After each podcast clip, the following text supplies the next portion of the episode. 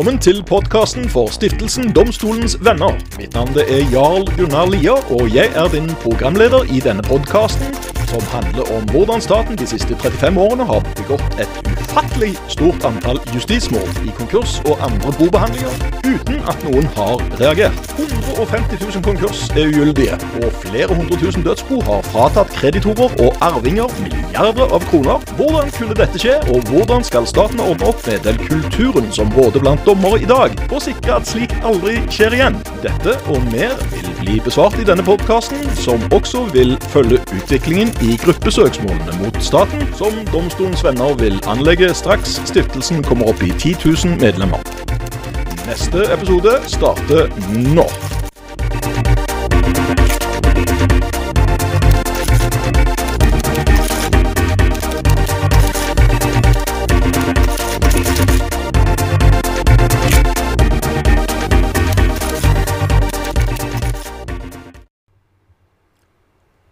Velkommen til denne episoden av eh, Domstolens venner.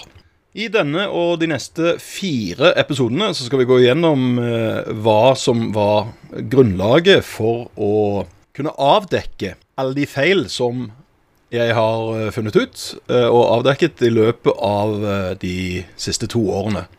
Etter jeg ble utsatt for en uriktig konkurs og en forferdelig grotesk eh, behandling av de norske dommerne som har vært involvert i systemet, og bostyrerne som har vært der. I veldig korte trekk, jeg kommer til å gå mer inn i det de neste episodene, så eh, er det sånn at eh, den konkursen som ble åpna på meg, det var at en eh, morgen eh, klokken 08.30 den 16. juli 2018, så kom eh, jeg for sent til et rettsmøte som eh, skulle begynne med klokken 08.30. Hadde vært våken hele natten med min datter som da var seks år, og for hun var syk. Og når eh, jeg ringte til eh, tingretten klokken 08.39, da tok de endelig telefonen, eh, så var jeg på vei i bilen på vei inn. Kravet var et lønnskrav, men det var et eh, såkalt sluttoppgjør, og det forfalt ikke før i oktober det året. Men jeg hadde allikevel betalt det på fredag den 13., rett og slett fordi at det ikke skulle bli noen misforståelser. Som det allikevel ble. Men da jeg kom fram til eh, tingretten klokken 09.00, ganske nøyaktig 30 minutter forsinket, så fikk jeg bare en gul lapp etter at de hadde fått faktisk beskjed, og dommerne hadde fått beskjed. Ble satt på vent i den samtalen fra bilen. Og eh, selv om jeg hadde kvittering med, eh, så hadde de altså åpna konkurs. Og Sånn er det systemet i Norge fungerer.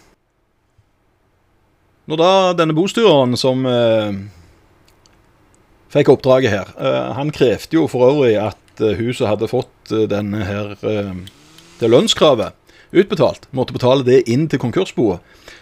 Det ble jo òg avdekket senere at han hadde bare sendt beskjed til Nav lønnsgaranti uten å opplyse om at hun var blitt tvungen til å betale 65 000 kroner inn til konkursboet. Så han sa ingenting til det, til de, at pengene som hun hadde fått ut Altså, det var ingen andre krav, det var ingen forfall. Det, altså, det var ingen forfalte krav på det tidspunktet. Eh, Selv ikke det som var betalt, var forfalt.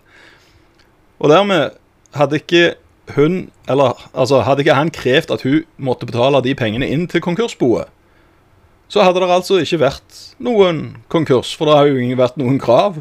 Så det, det, det kravet konkurs, konkursen ble åpna på, det har faktisk ikke denne damen fått utbetalt av bostyreren, og heller ikke Nav.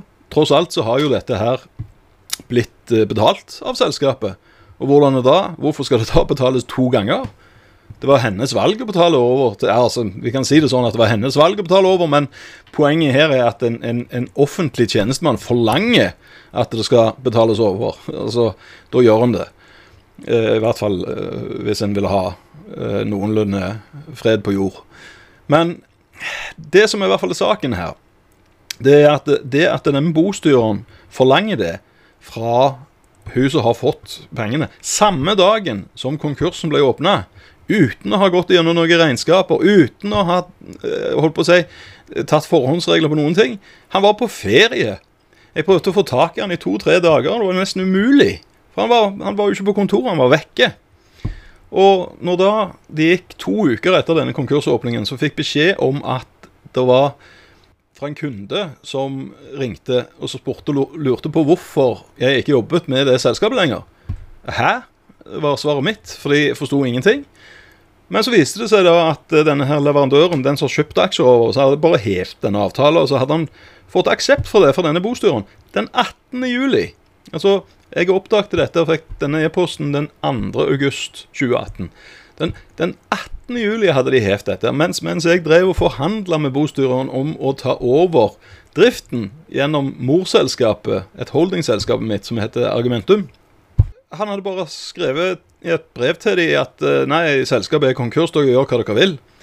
Um, ja vel.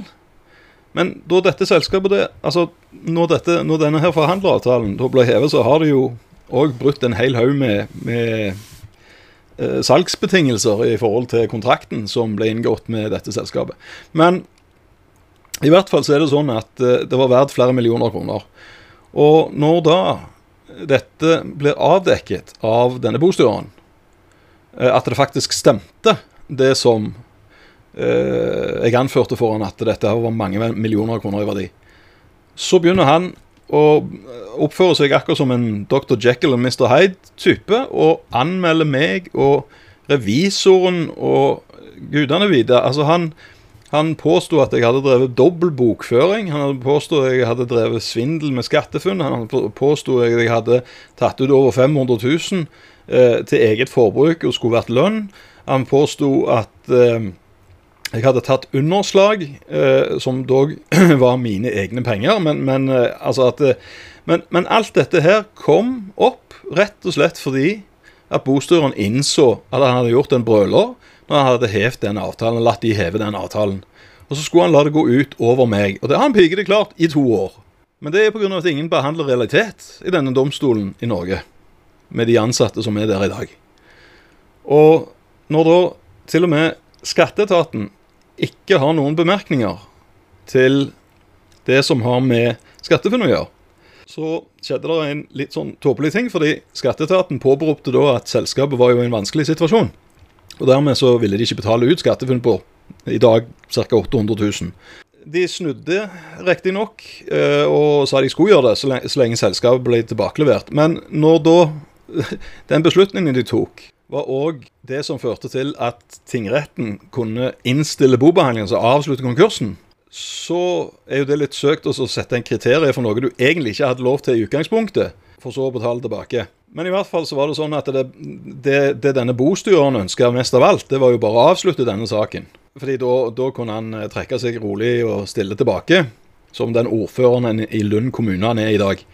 Men i hvert fall så er det nå sånn en gang at uh, alt, alle disse tingene her Altså Her ble det åpna en konkurs på et krav som var betalt, for å så ikke ta stilling til dette. Så drev bostyren og heiv masse anklager mot meg, som f.eks. jeg sa dobbel bokføring. Det var en sånn standard, eh, altså en ISA-standard, eller eh, hva det heter. Det er i hvert fall god bokføring. Jeg har tross alt brukt revisor på dette her òg. Eh, dette med at det var tatt ut penger som skulle vært angivelig til eget forbruk. Det var en intern transaksjon som banken gjorde i refinansiering på et lån. Jeg har ikke sett pengene engang. Underslag på 85 000 kroner, som han påstår, det var fordi jeg eh, fikk lånt 150 000, sånn at jeg skulle sikre at dette her kravet eh, som konkursen var begjært åpna på, ja, i tilfelle tilfelle. Ansatte administrasjonssjefen jeg fikk tak i henne fredag den 13. på ettermiddagen på, SMS, og der, der, forklarte hun hvor skattekortet var. Så gikk jeg inn på skatteetaten og regnet ut nøyaktig hvor mye hun skulle få. Eh, betalte jeg i nettbanken. Eh, på den tiden så gikk det ikke transaksjonen direkte over, men jeg la den i hvert fall inn, og så tok helg. Når du, hun ikke hadde fått de pengene på konto, visstnok eh, når jeg var forsinka de 30 minuttene den 16., mandag den 16., så er jo det en årsak til det, for hun bruker jo ikke samme bank. Vi bruker DNB, og hun bruker noe annet. Tror det var Sparebanken Vest. Anyway, pengene sto på kontoen hennes i ellevetida. Og eh, klokka fire, tror jeg det var, så var de vel tilbake, eller var de inne på konkursboet sin. Men dette var altså kravet. I dag så har jo ikke hun fått de pengene, for han har tatt de som sitt salær, altså sin lønn, han bostyreren der. Og det var altså åpna konkurs på et krav fra en lønnsmottaker som har sluppet å betale noe for å åpne denne konkursen. Den eneste som har fått ut penger på dette, her er bostyreren. Hun som fikk lønn, som altså det kravet, som har betalt inn, det har gått til bostyreren. Mens hun i tillegg da har måttet betale skatt av det beløpet eh, til skatteetaten. Jeg spurte for, for, for øvrig bostyreren i e-post samme dag hvor skal jeg gjøre av skattepengene, eh, for de ville jeg betale inn. Han svarte aldri på den. Jeg skjønner jo hvorfor. Det var fordi at han satt på pengene sjøl. Anyway, eh, når uh, dette her avdekkes gradvis hele veien Så når jeg da anker uh, til Gulating lagmannsrett, så, så, viser det seg at han bostyreren der har sendt inn et sånt skriv som jeg ikke fikk se engang før uh, Gulating lagmannsrett uh, anken. Altså Her var det dokumentasjon opp og ned for bank, for revisor, alt mulig. Men de gadd ikke se på det engang. Uh, hvorfor? Jo, nei, fordi bostyreren hadde sagt sånn og sånn og sånn. Uten et snev av bevis. Og når alt da er motbevist etterpå, absolutt alt, absolutt alt Det er ikke én ting den bostyreren har sagt som var riktig. Så driver domstolen ennå og slåss og påstår at de har rett. Og dette er sånn de har gjort i alle andre saker òg, tydeligvis. Fordi det er ingen samsvar noen vei med noen ting. Det er ingenting som er fullt av det som står som best practice, verken i for bostyrere inne på konkursrådet sine, sine huskelister, eller på eh, dommere. Tross alt så har jo jeg underveis her gitt bevis, etter hvert som det har dukket opp, til tingretten. Og til slutt så begjærte jeg bostyreren vekk, og ba om å få en ny bostyrer, eh, hvis ikke tingretten leverte tilbake selskapet. For det, det er et krav, at du kan få tilbake selskapet hvis du er solvent, som det heter. Altså at du ikke er insolvent. Altså, du, det er et krav for å bli slått konkurs at du er insolvent, som da består av to deler, som heter illikvid, og det betyr at du bare ikke har penger nå, du har ikke cash. Eh, men så må du òg være det som heter insuffisient. Dvs. Si at du ikke har, har ikke noen fremtidsutsikter til å få inn penger heller. Men i hvert fall, når denne bostyreren har anklagt meg for alt mellom himmel og jord, og politianmeldt meg til meg for underslag for, for mine egne penger, jeg satte inn 150 000 kroner på kontoen fredag den 13. Jeg betalte inn eh, den, eh, det lønnskravet på 65 og tok ut 85 000 igjen. Og de 85 000 der, de anmeldte han meg for underslag på. Slå den. OK. Men i hvert fall, i alle tilfeller så er det nå sånn en gang at skjebnens ironi spiller godt inn. Jeg anka uh, denne uh, Gulating sin uh, kjennelse om å forkaste anken til Høyesterett. Høyesterett har noe eh, Altså, de har en praksis som vanlige folk ikke aner noe om. For stort sett så er jo ikke folk oppi dette rettssystemet. Men i hvert fall så er det sånn at sikkert 90% av alle som anker til Høyesterett, så bruker Høyesterett en sånn regel som de har lurt til seg å få. Det å si at de ikke, eh, hvis de ikke gidder, så gidder de ikke behandle. Det er bare helt vilkårlig opp til de. Det er et par unntak for dette her, men det driter de stort sett òg i. Altså, de, de, de, Hvis de ikke gidder å behandle, så behandler de ikke. Og, da, da, og det heter ankenektet fremmet. Altså en ankenekt, basically. Når du da har en, en uh, Gulating som ikke har uh, eh, realitetsbehandla, og når jeg mener realitetsbehandla Tross alt så var det masse feil her fra, fra tingretten når de åpna denne. For det første så var beløpet eh, datert en begjæring i mars. Dette var i juli, og der, der sto beløpet på 176 000 kroner. Eh, I den der avgjørelsen, dommen som åpna konkursen, så sto det at det var ingenting som indikerte at selskapet ville være i stand til å betale hun noen ting. Og det var heller ingenting som indikerte at det var noe som tyda på at selskapet skulle være framover, at de kunne klare å betale det. Men holder det da f.eks. at alt var betalt? Tillegg så sto det bare at jeg hadde fravær. Jeg har jo telefonloggen. Jeg ringte 0839, snakket med tre personer, hvor den siste satte meg på vent mens hun var inne og snakka med dommeren i seks minutter. 08.45 var samtalen. Da la jeg på. Og Da var jeg ca. 15 minutter unna. Jeg var i skranken på slaget klokken ni. Akkurat 30 minutter forsinka. Fikk en gul lapp fra denne resepsjonisten hvor det sto 'Møt bostyrer Hogne Skjerpe klokken 11. Forsto ingenting. Fikk ikke lov til å møte noen dommer. Fikk ingen informasjon. Whatsoever. Suste tilbake til kontoret. Skrev det som jeg kalte for en anke, som egentlig er en oppfriskning. Og whatever. Poenget er at uh, her var det jo så masse saksbehandlingsfeil. Og så sender jeg den inn dagen etterpå. Og så får jeg en uh, bekjent av meg som jeg har brukt som advokat tidligere, på, på litt andre forhold. Hvorpå han på min, mitt oppdrag altså sender inn dokumentasjon på sånn juridisk sett. Den tiden så hadde jo ikke jeg noe sånn særlig peiling på det juridiske som jeg har i dag. Og jeg har jo måttet studere noen tusen timer med dette her. Men i hvert fall så sendte han inn det som kalles for prosesskriv til lagmannsretten. Det verken han eller jeg visste, det var at han der bostyreren hadde drevet og sendt inn et lignende prosesskriv med masse rare anførsler. Men det fikk vi ikke se før ti dager etter etter at uh, Gulating hadde avsagt sin kjennelse om å forkaste denne anken, da, som gjorde at jeg måtte anke til, til Høyesterett. Det var i den forbindelse jeg fikk vite dette. For det var sånn at uh, det er noe som heter Aktørportalen. Det er basically en Dropbox-system for uh, advokater og for domstolen, der du kan legge inn sakspapirene elektronisk. Derimot, hvis du er sjølprosederende, så har du ikke tilgang til. Du har ikke, du har ikke tilgang til å se egne sakspapirer i Norge i dag. Eh, nå, altså De siste to årene siden de innførte den, så har altså personer som ønsker å være sin egen sakfører, altså saksfører, eh, advokat, ikke innsyn i sine egne sakspapirer. I hvert fall så var det sånn at eh, Hogne Skjerpe sendte dette prosesskrivet til feil adresse. En bostedsadresse som jeg ikke har hatt de siste ti årene. Og heller ikke vært folkeregistrert på. Men han sendte noe vitterlig der. Og når da jeg fikk hjelp fra han advokaten, så begynte de å bruke dette her aktørportalen. Og Ergo så ble aldri det prosesskrivet der noensinne lagt inn i dette her sakspapirene en gang.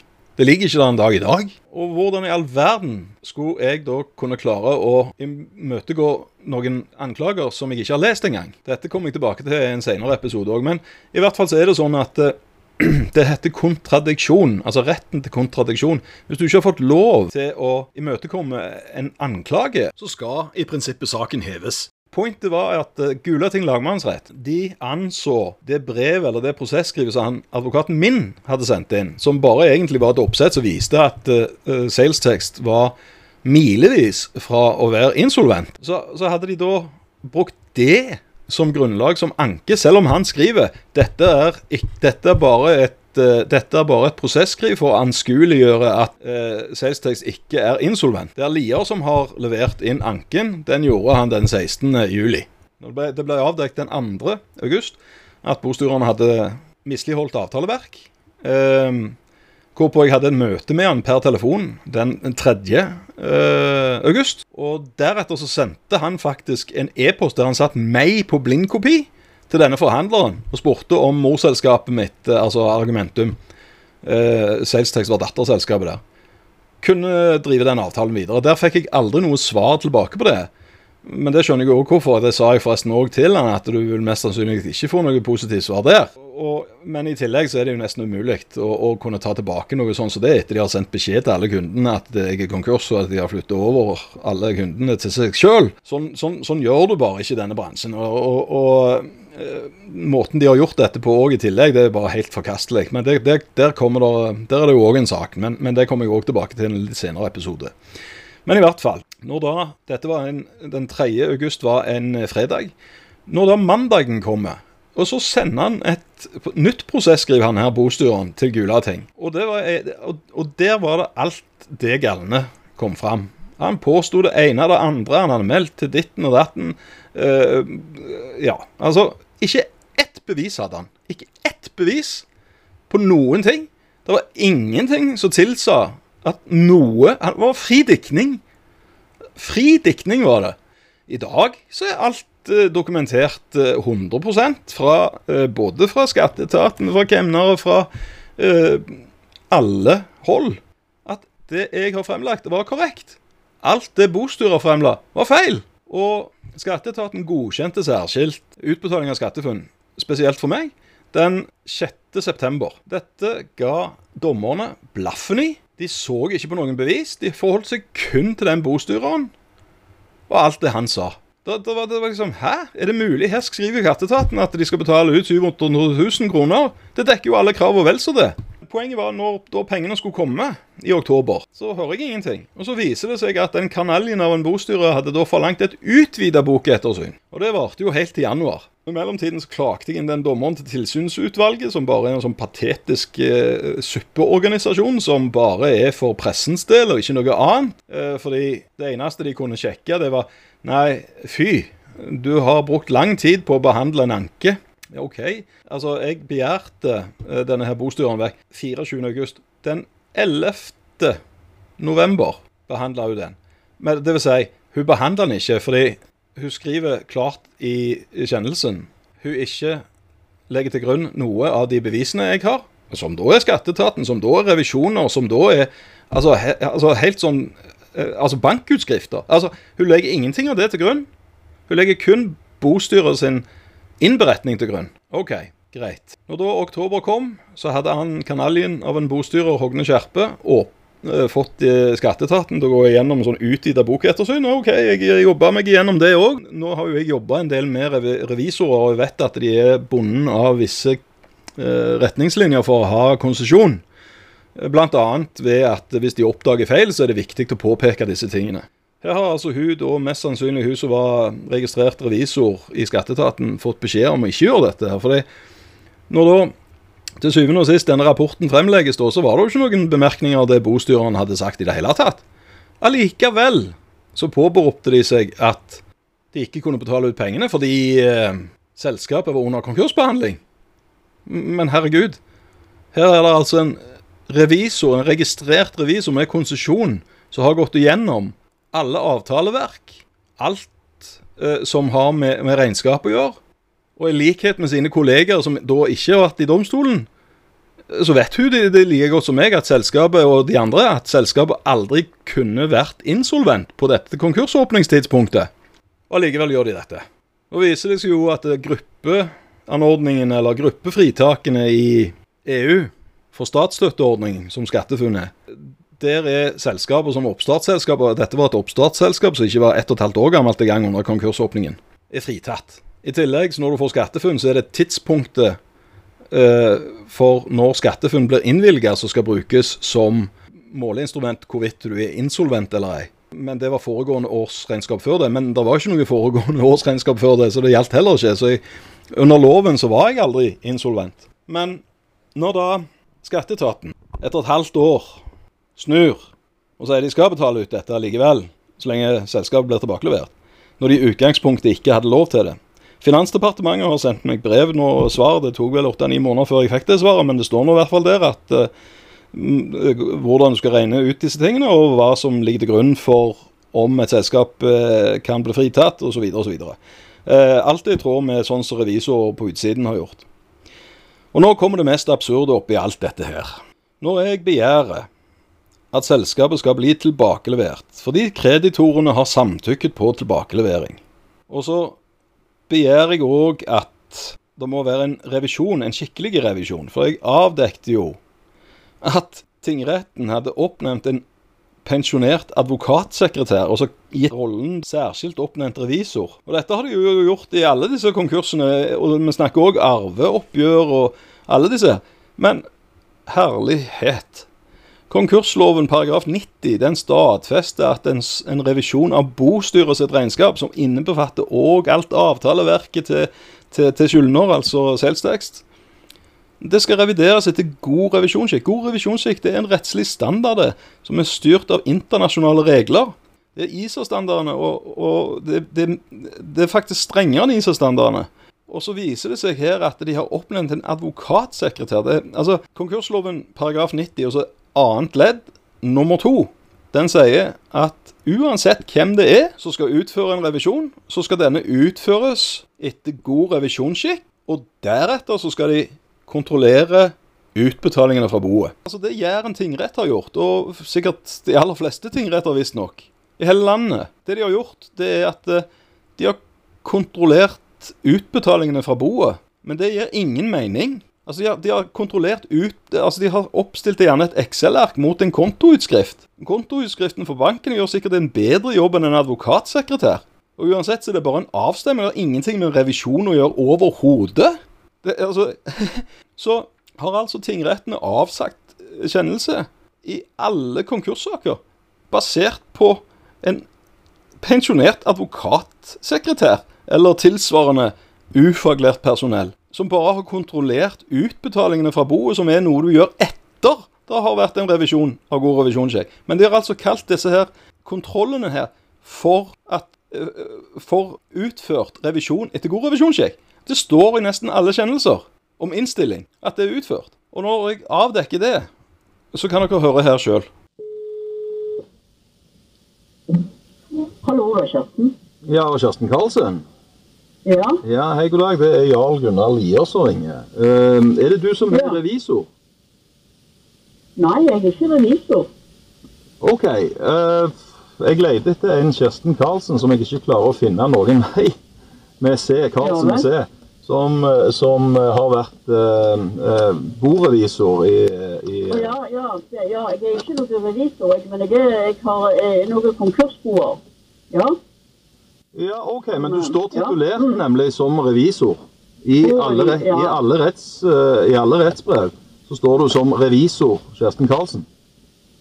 Ja vel, jeg vet ikke om de brevene da, men Årsaken til at jeg begynte å lete etter dette, her var at jeg fant ikke denne revisoren i eh, listene over konsesjon på revisorer.